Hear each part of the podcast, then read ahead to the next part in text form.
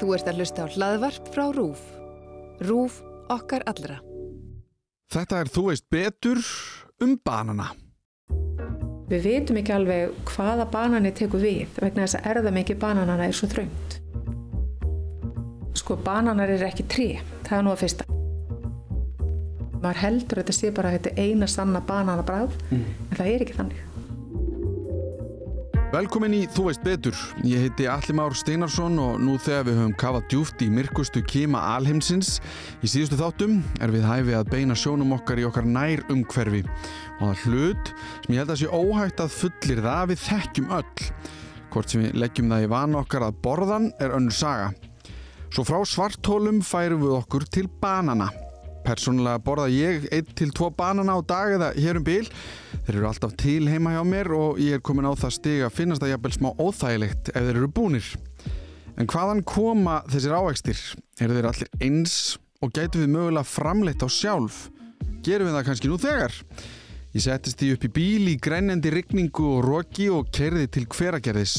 Þar sem engin önnur en Guðriður Helgadóttir, oft líka kvöldu Guðri í gardinum, tók á móti mér og sagði mér alltaf helsta um þessa gulu gæja.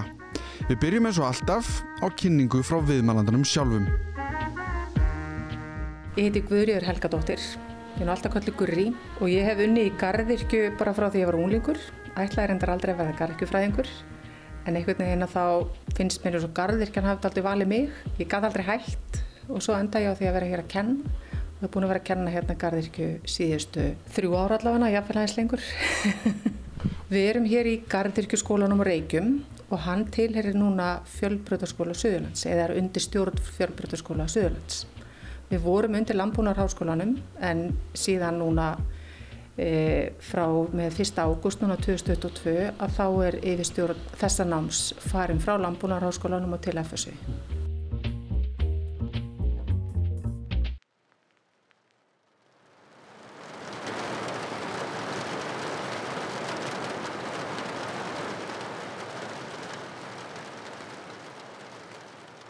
Bananar eru þekktir sem fæða örglega svona 10.000 ára aftur í tíman. Þetta eru plöntur sem veru koma frá hérna, Suðustur Asíu, það sem allar eigarnar eru. Fyrir mér er þetta alltaf í útlöndum, svona fyrir norðan Ástraljú og þar. E, og síðan dreifast það reynilega þaðan bara út um allan heim, smám saman náttúrulega, og eftir því sem að menn fluttu sig um set og, og námu nýlönd. En banan er eins og við þekkjum þá í ræktun hér á, á Vesturlöndum og hér í Evrópu að það er ekkert svo ólega löng saga þeirra hér. Bananar eru þekktir á 19. öll til dæmis í Evrópu og þá var þetta aðalega bundi við herragarða aðalsmanna. Þeir áttu svona nýlendur eitthvað staðar í, í exotískum löndum og fluttu alla fruðulegusta áhustana með sér heim, ræktuðu þá í gróðurhúsum og þú fórst í svona fínar veistlur í höllum og svona þá eru ananasar og bananar og annars svona gífilega framanda á borðum og það þótti mjög fínt að vera með svona trópist gróðurhús í hallargarðinum sínum og gætna voru gardirkjumenn sem að unnu við það bara og smám saman að þá kannski eftir því sem að fluttningar urðu auðveldari og, og hraðari að þá urðu bananar meira svona fæða fyrir almenning en það er í raun og verið ekki fyrir ná 20. öldinni. Og hér á Íslandi að þá eru fyrstu bananatni svo vita sé fluttir hingað inn í kringum, þegar sannlega verið 1938, þá var dóttir Eiríks sem að bjó í, í Laugardalnum og, og var þar búndi og var með gróðurhús. Dóttir hans fór til náms í Englandi og hún kom heim með bananblöndu. Og það er svona fyrstu bananatni sem við vitum til að hafi verið rektar og borðið ástegn á Íslandi. En sko banani er ekki banani. Þú veist þetta eru tegundir. Þar sem við, þar sem eins og þú talar um hana í útlöndum, einhvers stann fyrir norðan Ástralíu það er ekki endilega þeir bananar sem við höfum í huga þegar við, við segjum banani. Sko jú, eiginlega. Mm. vegna þess að þetta er ekkert svo ofbúslega hérna, fjölbreytt sko, þetta er ekki svo margar tegundir. Þeir bananar sem við erum að borða sem eru svona sætir bananar að þeir eru blendingar og millið tveggja tegunda en það er rosalega lítið í raun og veru erðamengi á bakvið alla þá banana sem við erum að rekta í heiminum í dag. Og það skapar okkur svolítið vandamál. Og það sem er sérstaklega bananana er það að þeir fjölga sér ekki með fræjum eins og, og flestar aðra plöntur gera. Heldur er það þannig að þeir, e, þeir fjölga sem er rótorskotum, það koma nýjir rótorskotu frá sama rótakerfi. Mm. Og bananinn sjálfur, hann, það eru engin fræ í bananan. Þannig að plantan er að nota öðruvísi aðferðir til þess að fjölga sér heldur en gerist og gengur. Þetta er svona kynlausar e, aðferðir og það er talað um, hérna, þetta er svo kallar parþenokarpi sem er svona fagorðið yfir þetta en þetta er svona aldin myndun án þess að frúkun hafi átt sér stað og undan. Og þetta kemur fyrir í náttúrunni og það er náttúrulega eina af ástafinu fyrir því að við ákomum að velja banana til að borða þá að því það var auðvelt að borða þá það var ekki fullt á fræjum sem að menn þurfti að spýta út úr sér þannig að þetta var svona frekar þægilegur skyndibiti á þeim tíma og þessi aðferð að hún er ennþá í bananunum en að því að þeir eru fjölga sér bara með þessum rótarskotu með að það koma nýju sprótar upp á, á rótakerfinu hver, í hver skipti sem að plantan myndar nýja greinar að það gera það verkum að það er mjög erfiðara að finna nýja banana með mótstöðu gegn ákveðnum sjúkdómum sem að hafa verið að herja á tegundina. Og þú eiginlega leiðir bara inn í það sem ég, það sem ég var búin að heyra var að það hefðu verið einhverja tegundir og við hefðum sem mannfólk einhvern veginn ákveða að rekta upp einhvern stopn eða eitthvað sem var kannski auðveldastur í að búið mikið af eða eitthvað, eða veist ef við erum með marg, eða svona einhverja tegundir af bönunum einhverjum mismönd, þú talar um bláa barna hérna á þann hver er ástæðan fyrir því að við endum í þessum sem við þekkjum þessi bara klassíski guli banani? Sko, bananar eru, eru mjög mikilvæg fæðutegund hjá bara miljónum manna um allar heim. Og flest þessi bananayrki sem við tölum um að þau eru svona lokal yrki, það er segja staðbundin yrki sem eru bara ræktuð ákveðnu svæði. Og þegar við tölum um yrki að þá er það svona eins og klót bara þetta er þessi klótna banana. Mm. en það eru samt sko innan hverja tegundar geta verið gífulega margir klónar. Og þeir geta verið svolítið breytilegir í útliti. Þeir geta verið, og eins og við þekkjum með banana þeir geta verið með, þeir geta verið svona bláleitir þá geta þeir þroskast og þá verða bananleiti gulir. Og þegar þeir eru þroskar þá geta þeir verið með svona gullt eða svolítið brúnt skinn eða, eða hýði. Það getur verið líka alltaf rauðilegt þannig að fjölbreytni í útlita á bananum er töluverð, þeir geta verið stuttir og langir og mjóir og degrir og allavega og ef við berum það kannski bara saman við mannfólk veist, homo sapiens, það er einn tegund mm. en það er gífileg fjölbreytni innan þeirra tegundar, bara í útliti og samaskapið að þó við séum með þessa tiltöknu tegund á bananum að þá er alveg fjöldin allar af yrkjum þar undir og þetta eru fleiri tegundir svona aðeins en það er ekki dóla margar mm. og bananati sem við erum að borða í dag þeir eru þannig yrki að Þetta eru hargerðir bananar, klasarnir eru svona þólgóðir þannig að þeir þóla flutning á milli heimsálfa. Bananættir í hverjum klasa þroskast á mjög svipuðum tíma og þeir eru svipar af stærð þannig að þetta er svona, og þetta er allt saman náttúrulega monokultúr þar sem að verður að rekta í þessu. E, hvað, hvað, monokultúr, hvað þýðir það? Já, monokultúr og það er raun og veru svona einræktun þar að segja þú ert að rekta sama klóninn á mjög stóru svæði. Og sá klót sem er mest í rættu núna eða þetta er svona kannski hópur og klónum sem er mest í rættu núna það er svo kallar kavendisbanani og kavendisbananin það er bara þessi sem við kaupum út í búð og við þekkjum sem henni eina sanna banana að þetta er um 40% af öllum banunum sem eru fluttur á meðlega landa í heiminum. Þannig að þetta er alveg gífulega mikið magn Og Cavendish-bananinn er yrki sem að uppgötvæðist á Breitlandsegjum sem er svolítið írónist að því að það er nú ekki, hérna, það er ekki heimkynni bananana en aftur taland um þessi gróðurhús sem að aðalsmenn voru með í hallargörðum sínum að þá var það þannig að Cavendish fjölskyldan átti gróðurhús og, og gargjumæðurinn þar sem ég man ekki núna hvað heitir að hann hérna e, var búin að átti sig á því að þarna var alveg opuslega svona fýtt banani sem hann vildi bara halda við alltaf. Mm. og hann nefndi bananin í höfuðið á fjölskyldinni, Cavendish fjölskyldinni svo er þessi banani bara þarna eftir friðis og hann uppgötast eitthvað mann ég veit ekki 1830-40 eitthvað svo leis en hann kemur raun og verið ekki við sögu alveg strax í þessari sögu sem við erum að tala um, nú þurfum við að hoppa nokkra ára dögi aftur í tíman mm.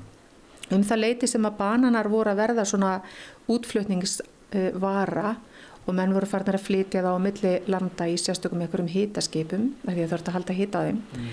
að þá var það þannig að sá banani sem var mest ræktaður hétt Gros Michel eða Big Mike. Og þessi banani var uh, stór, svona frekar langur fallega gulur og gífulega bræðgóður og það er sagt að þegar maður kaupi sko svona manngert bananabræði dag og ferður til búð og þú vilt kaupa þér eitthvað svona bananadrópa til að fá bananabræða einhverju að þá er bræðið að þeim uh, drópum, þessum bræðbætandi bananadrópum einhverjum, að þá er það miða við þennan uh, grósmi sjálfbanana, ekki kavendisbanana sem við þekkjum. Og það er sagt að bræðið á kavendisbananum sé bara brotað því mikla og sterka bræði sem var af, af þessum grósmi sjálf. Síðan sem sagt gerist það uh, svona um meðja uh, 2000-öldina að það kemur upp sjúkdómur sem er kallaður Panama-sjúkdómur og hann er nefndur það vegna þess að hann kom fyrst upp í Panama þar sem það voru bananaplantegrur. Og þessi Panama-sjúkdómur þetta er raun og veru svona rótar sveppur að sveppa tegund sem er leggst á rætur bananaplantana. Sveppurum fyrir inn í rætunar og upp í svona leiðslu vefi plöntunar og stíplar þær. Þannig að plantan hún bara vissnar og deyr og þetta er alveg gífulega smitandi. Og grósmiðsjálfbananin hann var mjög viðkvæmið fyrir þessu. Þannig að hann í raun og veru bara drafst mjög mikið. Og hann var næstu í útöður það er mjög lítið til af grósmiðsjálfbanananum ennþá en það eru þá ennþá til eitthvað svona litli blettir hér og þar þar sem að þessi panamasjúkdómur hefur ekki, ekki stungið sér niður. Og það sem gerðist þarna voru að heilu plantegrunnar sem hafði verið undirlæðir á grósmiðsjálf að þær voru nánast bara ónótægar að þeir virtist. En þá dúkar upp þessi kavendisbanani og það kemur ljós að það er hægt að rækta hann á jarfiðinum sem var síktur á Panama uh, sveppnum sem heiti, þetta er fúsarjum sveppur það er svona tegundarheiti eða þess að ekkvislega reyti á svona sveppi.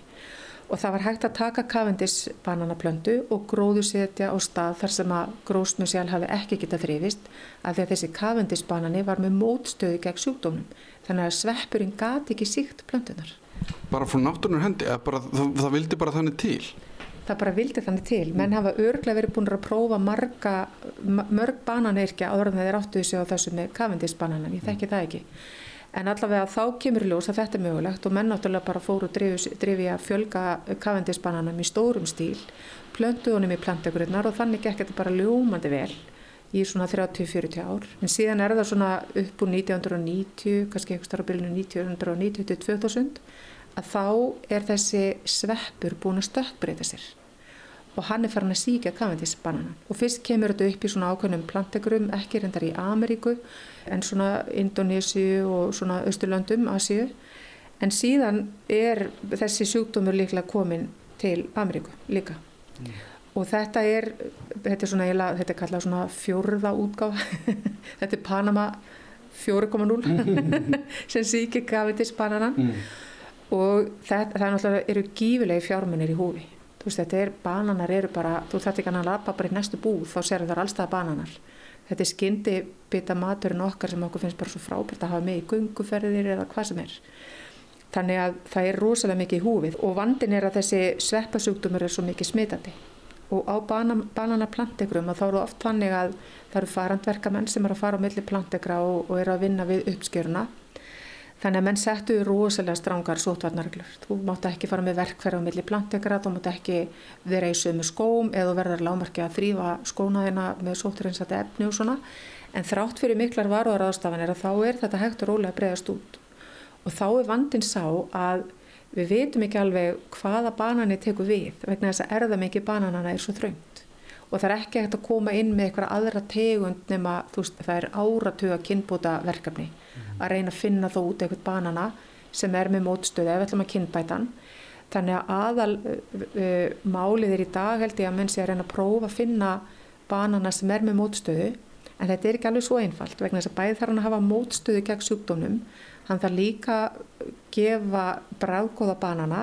Þeir þurfa að vera endingagóðir og það þarf að vera hægt að flytja þá í skipum á milli landa þannig að þetta er engin smá krafa sem að og, og þú veist þetta er, þetta er svo rosalega flóki að finna mm -hmm. annan kavendisbanana. En þú sagðir að 40% væri öruglega þessi kavendisbanani sem við þekkjum. Hva, hvað er þá hitt, hín prósentina? Hvernig banan eru það? Er það bara eitthvað svipað eða bara heitir það einhver öðru? Sko, aðri bananar eru kannski meira framleitir bara fyrir hérna, heimamarkað. Og ef þú ferði og heimsækir þorp einhver staðar í Indonésiu eða, eða bara hver sem er svona kringum miðbögg mm. Að þá er alla líkur á því að það séu ykkur svona bananirki sem eru rektu bara þarna í nágræninu sem eru á þorpsmarkaðinum. Þú veist Siggi hérna sem að býr hérna í þessari götu kemur með sína banana og svo kemur Palli og þeir skiptast á eitthvað. Hann er með öðruvísi. Mm. þannig að lang flest þessi bananayrkja þau eru bara svona til heimabrús og hér í Garðirkjuskólanum höfum við verið með banana í, í mjög langan tíma og erum með hérna svona dvergyrki af, af Cavendish banananum sem eru náttúrulega mjög bráðgóðir en við erum líka með einmitt eitt yrki sem er svona viðkvæmt. Og það eru bláir bananar þeir heita Ice Blue eða Ísbláir. Og meðan að þeir eru óþróskaðir þessi bananar þá er hýðið á þeim svolítið bláleitt. Síðan þeir eru þróskast þá verða þeir svona óbúslega fallega sítrónu gulir en vandi með þessa banana er sá að það er ekki nokkur einasta leið að geima þá. Um leið og þeir eru farnir að gulna að þá eiga þeir bara örfa á dag og þeir eru þróskaðir að þá er það bara þannig að maður fer og maður tekur bananan af plöntunni og bara maður eina nánast horfir á hann verða svolítið marinn í höndunum á manni. Þannig að maður þarf að borða hann strax. Hann geimist ekki neitt. Þetta er mm. banani sem væri aldrei hægt að framleiða og flytja á milli heimsálfa. Hann myndi aldrei þólað af, lifað af. Mm. Og það er líka vandin með mörga þessum yrkjum, þau eru þannig að þau þóla ekki langflutninga e, og, og það er í raun og verið setur líka svo hérna, setur okkur í vanda þegar við ætlum að fara að finna nýjan banana í staðin fyrir kavendisbanan flest þessi yrkja þau þóla ekki flutningin bara því hún nefnir sko það sem þeir eru að gera hér og við erum búin að tala um þá um að þessi hinn yrki og þetta er þá bara meira í nærum hverfi og, og svo leiðis við náttúrulega framleiðum ekki banana sem við erum að sjá út í búð það er sendt einhver starf annar stað frá kannski ok, til að byrja með hvaðan við, höfum við verið að fá okkar banana ef við tölum bara um Ísland hvaðan eru banananir okkar, er það eitthvað algilt? Þeir eru náttúrulega frá útlandum Sko flestir bananar eru nú framleitir í Indlandi og Kína. E, það er líka tölverst framleitt bara svona í þessum löndum í kringum miðböginna því þetta eru plöntur sem að þrýfast best í svona trópísku lofslagi. Þannig að við fáum vantilega líka eitthvað bananum frá uh, Ameríku. Uh, en ég er nú ekki alveg kannski mm. með nákvæmast staðar á hverjum og því hvaðan þeir koma allir. Að því að einhvern tíman heyrði ég, kannski ég held að ég verði þá sannreinaða núna við þig, einhvern tíman var því logið að mér að Írland væri svo mikið að gera banana er það bara einhver lígi? Ég myndi nú ekki trúa þessu Nei, ok, þá er það bara eitthvað rugg sem einhver hefur logið að mér Þá hefum við farið yfir söguna Við erum greinlega ekki svo heppin að geta verið að rækta okkar lokal yrki en fjölbreytin getur verið gríðaleg, svona svipað og með okkur mannfólkið. Við hefum fundið okkar sterka yrki, Cavendish bananan sem við þekkjum sem okkar banana. Gros Michel eða Big Mike hafði verið algengastur en Panama sjúkdómurinn gerði sér lítið fyrir og þurkaði nánast út þennan bræðumikla og gómsæta banana. En samkvæmt internetinu virðist hann enþá vera fáanlegur og ræktaður í Uganda, þá kallaður Bogoya. Bara svona ef þið hefðið áhuga á því að smakka hann. En einu sinni þegar ég var í hveragerði hjá Gurri leiði hún mér að smakka banana sem þau sjálf hefðu ræktað og hann var svo gómsætasti sem ég hef smakkað nánast eiðilæði alla aðra banana þar sem ég vissi nú hvernig þeir gætu verið. Þannig að ef við færum okkur frá sögunni til nútíðarinnar, hver er ástæðan fyrir þessum mun? Af hverju erum við ekki öll að borða jafn gómsætta banana og ég þetta um árið?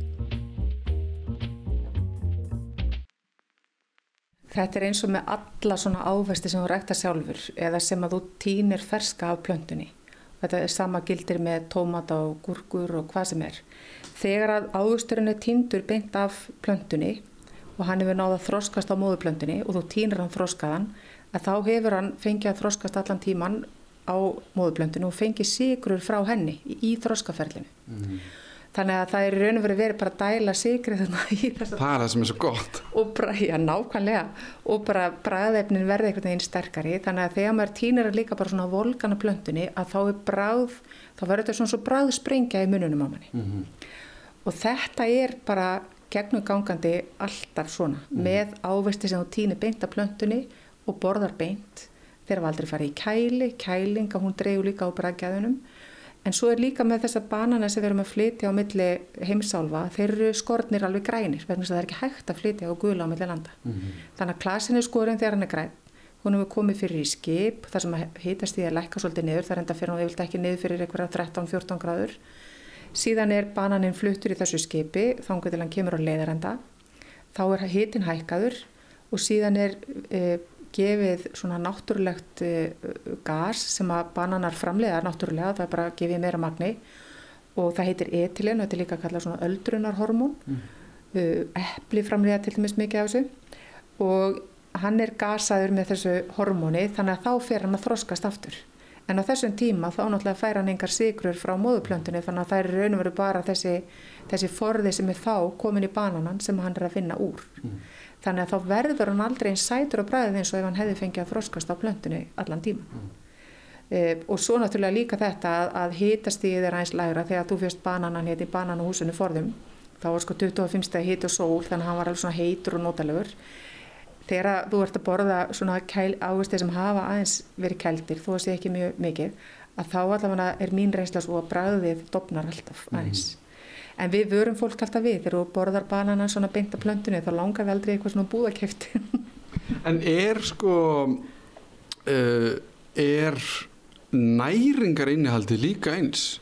Er þetta bara spurningu bræð eða næran líka einhvern veginn þú veist að verða bara, ég ætla mér langar ekki að segja hollari endilega heldur bara þú veist, já bara er það með sömu næringarefni? Er þetta samil, þú veist, er, er, er, er það bara bræði? Þetta er fyrst og fremst eiginlega bara bræðið. Mm. Þú færið eitthvað, ég veit ekki, 100 kaloríur úr einn svona meðalstórum banana um það byll mm. og ég held að það sé nú bara mjög svipað í þessum en bræðgæðin eru önnur. Mm. Þannig að þú færið miklu meira bræð sem er þá kemur næstu spurningu sem var ef að þetta er einmitt, það eru ymsaltegundir rættar í nærumkvöri út í heimi og þetta og við stundum fram með fyrir þessum svepp sem er að, er að hérna, bara drepa plöntunar af hverju við, erum við ekki með okkar vatn og hitta og allt þetta bara framlega okkur eigin banana fyrir okkur Þetta er endur alveg frábær spurning og gott á hún kom. Sko það var einu sinni gardirkjubóndi á Íslandi sem ákvaða að framlega banana. Það er reynda komin eitthvað svona 60-70 ár sinna það var og á þeim tíma þá sett hann niður sína plöndur í gróðrúsi í borgarferðinum e, og hann held þessu til streitu eitthvað 3-4 ár, þá gafst hann upp. Aðal ástæðan fyrir því var svo að það tekur svona 1-1,5 ár að fá uppskeru af banananum mm. og þær taka auðvitað mikið pláss. Þannig þegar við þurfum að rekta, erum að rekta banana hér við íslenska ræðstæður sem við getum hæglega gert í gróðurhúsum að þá taka það tölvirt mikið plás og þá erum við kannski bara að fá eina uppskjör af hverju plöntu á ári, eitt klasa. Og við getum þá í raun og verið ekki kæft við innfluttu bananana sem eru margfald ódýrari, sem eru rektaði bara úti og, og þarf ekkert mikið að hafa þannig séð fyrir þeim. Þannig að þetta er raun og verið aðal ástæðin fyrir því að bananar urðu ekki svo framleiðslu var þess að menn vonuðust til að því menn voru í alverðin að vonast til þess að við gætum framleitt banana mm. og í árdaga gardirkja á Íslandi að þá náttúrulega vissum en ekkert alveg sko hvaða tegundir það eruðu sem að eruðu ofan á sem að eruðu svona þessi stóra framleiðslu planta í gróður sem á Íslandi mm. með próða alls konar, það var kaffi og appelsínur og melónur og, og bananar svo bara kemur ljós að þú þarf til þú þarf að byggja gróður úr sefriðsaræktun þá verður að hafa tekjur uh, oftar heldur en kannski bara eitt á ári úr gróðurúsinu og tekjurna verða standa undir reksturinn. Þannig ef þú ert bara með banana og þú ert að keppa við innfluttu banana og kunin er út í búð og hann hugsa að beita, hm, ég get keft hérna íslenskan banana á 5.000 kall stykkið mm. eða ég get keft innfluttan banana á 100 kall, uh, hvað ætti ég nú að velja? Mm. Þú veist, þetta er náttúrulega ekkert val. Mhm. Þannig að ég raun og veru komist menna þeirri neðustöðu að bananaframleysla á Íslandi væri ekki samkefnishæf þannig að mikið af þeim banunum sem hafðu verið í umferð að þeir enduðu hér í Garrikjaskólan þannig að við erum hérna með banana allavega við erum með fjögur mismunandi yrki hérna hjá okkur í gróðrúsunum mm. við erum með þessa kavendisbanana, við erum með litla fingurbanana sem eru mjög sætur og góðir við erum með þessa bláu banana, hérna blue eyes og síðan erum við með eitt banana yrki sem kemur frá grænhöfðægjum og þeir eru frekar stórir og það er svona súrsætt bræðaði, ótrúlega góðir. Þannig að það er svo, það er svo frábært að upplifa það að maður lappar hérna í gróðrús og maður getur verið að smakka svona mismunandi brauða banana því maður heldur að þetta sé bara þetta eina sanna banana brauð mm. en það er ekki þannig. Þetta er breytilegt, þetta er mismunandi Þá kannski langar mig til að fara út í af því að, hérna, svo að fólk viti að þá varstu búin að tala um þessa bláa banana og ég myndi hugslun að fá að smakka en þú sagði þeir eru bara búnir. Já. Sem er bara í fínasta legi ég bara reyni aftur einhvern tíma setna en að því þú sagði bara hvað eitt búnt á tré á ári? Segjum sem svo að ég sé bara búin að byggja gróður úr með mér og mér langi til að vera með mitt eigið bananatré ég gerði ráð fyrir að þetta væri bara eins og ég veit ekki, tómatar, plöndur eða eitthvað, eða þú veist ég fengi alltaf tilturlega mikið af bananum úr einu bananatrí en hvernig er ferlið hjá bananatrí? Sko bananar er ekki trí það er nú að fyrsta Ok, fyrsta villa, ok Þetta eru, hérna, þetta eru fjölara plöndur mm. og sem því þeirra rótakerfið að það lifir áratögum saman en síðan komur svona greinar upp úr rótakerfinu eða sprótar mm. Og hver spróti að hann vex bara upp frá rótakerfinu og þegar að sprótinu við mynda svona 30 til 50 löfblöð þá veit hann hann á að byrja að blómstra. Og þá myndast blómvísir bara í miðri plöntunni og svo vex svona klasi þar upp úr og á því eru bananablómin. Og hver spróti blómstrar bara einu sinni og myndar bara einn bananaklasa. Og bananaklasin er þannig, þegar við sjáum klasan koma svona upp á plöntunni, að þá eru bananatir ofalega, það eru kvennblómin, síðan kemur svona smá partur af stönglinum sem er í blómklasanum, það sem eru svona litlir eða engi bananar og svo neðst er svona svo eins og bara pungur af hérna, fjólubláum blöðum og það rundir eru karlblómin. Þannig að það eru kvennblómin sem mynda bananana, svo koma ófrjóblóm og svo eru karlblómin neðst. Og þegar að plantan hérna byrjar að vaksa þá byrjar hún bara sem svona lítið rótaskot og frá því að hún byrjar sem rótaskot og þá getur bananarnir eru tilbúinir að þá geta liðið 1-1,5 ár og þegar að plantan hefur myndað þennan klasa að þá bara er þessi stöngull ónýtur, hann bara vissnar og deyr og hann er bara högvin í burtu og þá eru aðrir sprótar sem að koma upp af sama rótakerfi þannig raun og veru þá er þetta bara svona fjölarplanta hver grein eða spróti lifir í 1-2 ár, blómstrar einu sinni, þessi grein deyr, svo kemur næsta grein upp. Þannig að bananar eru blóm? Bananar eru júrtkendar plöntur og það er jáfnvel sagt að þetta séu svona með stærstu júrtkendu plöntum í heimi og það er ekki nómið það, heldur er þetta það sem við kallum einkimblöðungar. Þannig að þeir eru af sama hópi plantna eins og grös, bambusar, pálmatri, túlipannar.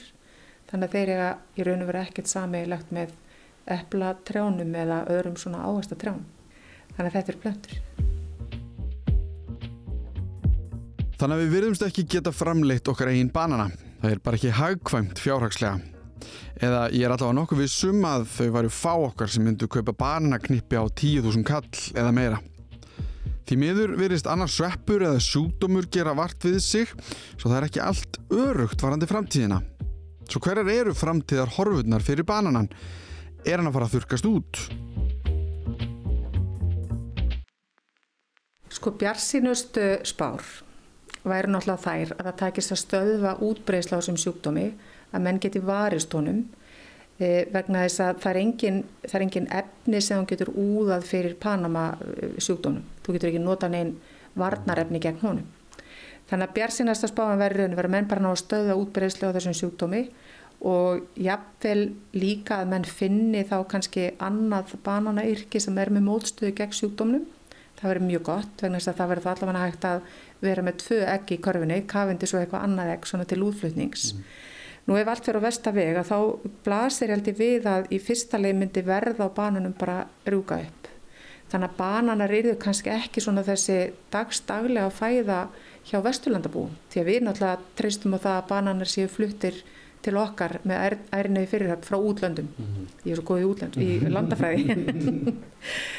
en og svo náttúrulega ef, að, ef þetta fer bara í ennþá verri farvega þá kannski bara mingar frambóðið hægt og róla á banun þannig að við hreinlega bara fáum ekki banun skilum. En hvaða tímarami er á, eða svona eitthvað sirka, ég meina er þetta næstu árin sem við erum eitthvað að kljástu þetta eða erum við komin í eitthvað smá boppa með þetta bara akkurat núna?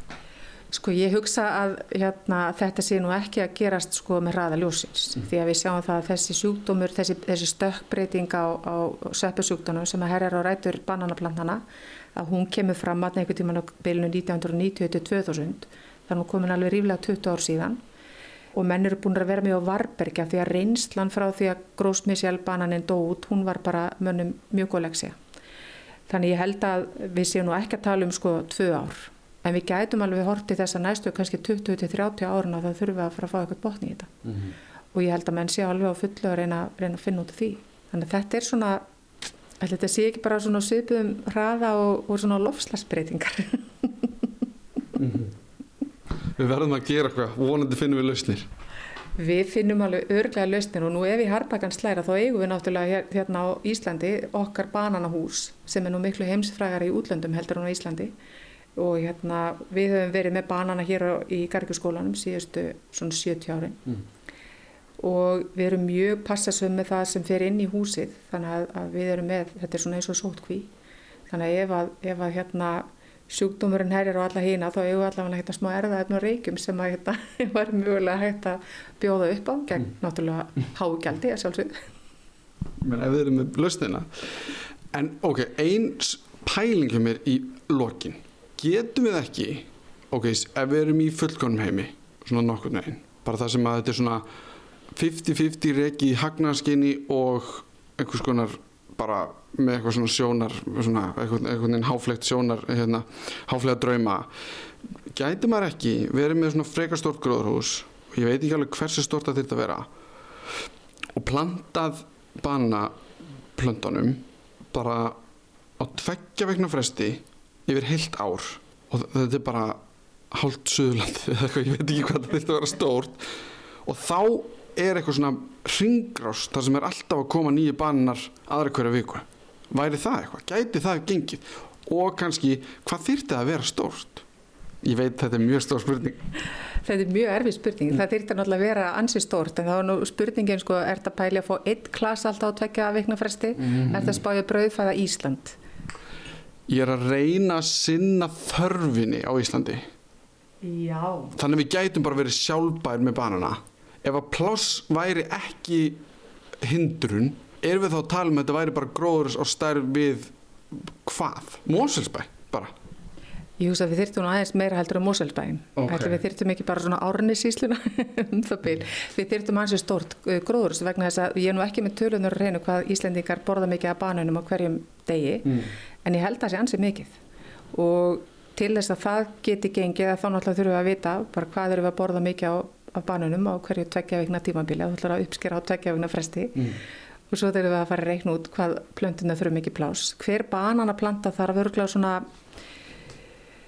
5 sinum, já svona kannski 4 sinum 4, það er svona 16 fermetra, 10 mm. til, já skulle segja 10 til 15 fermetra sem hver planta þarf, þannig að það færi vel um hana. Hún fái goða byrtu og gott rými til vakstar.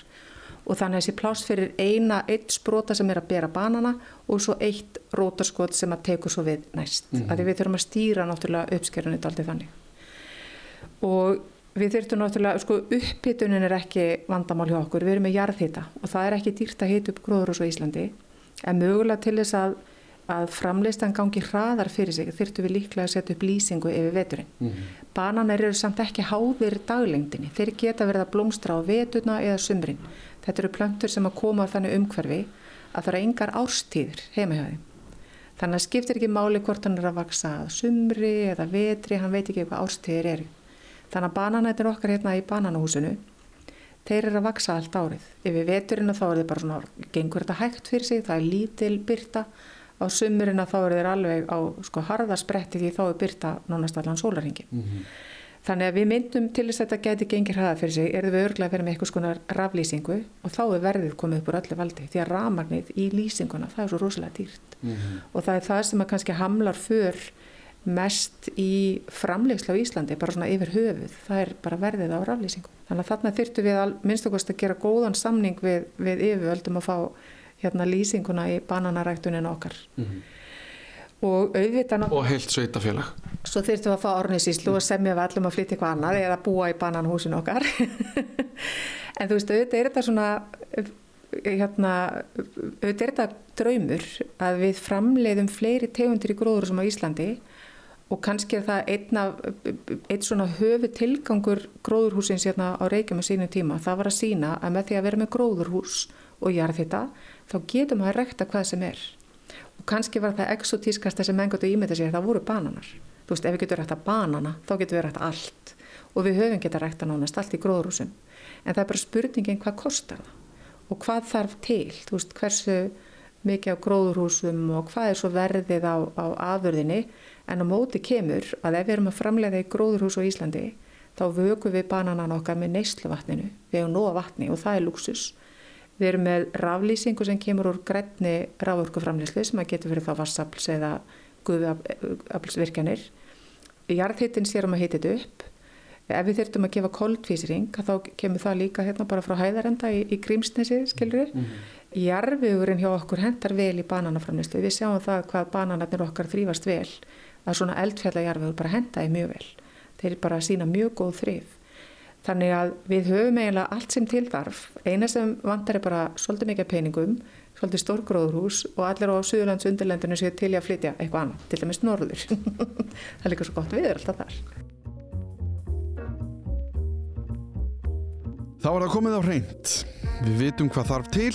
Nú er bara að finna rétt af fólkið og reyna að sannfara allt Suðurlands undirlendið um að flytjast búferlum norður.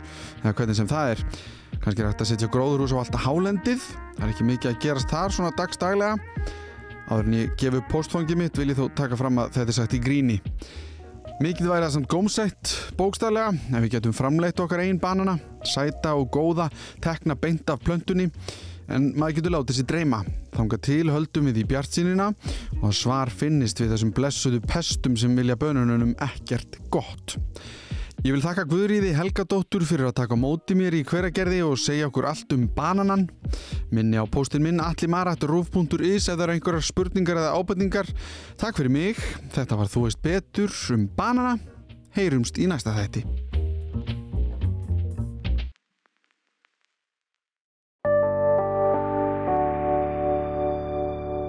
Rúf okkar allra.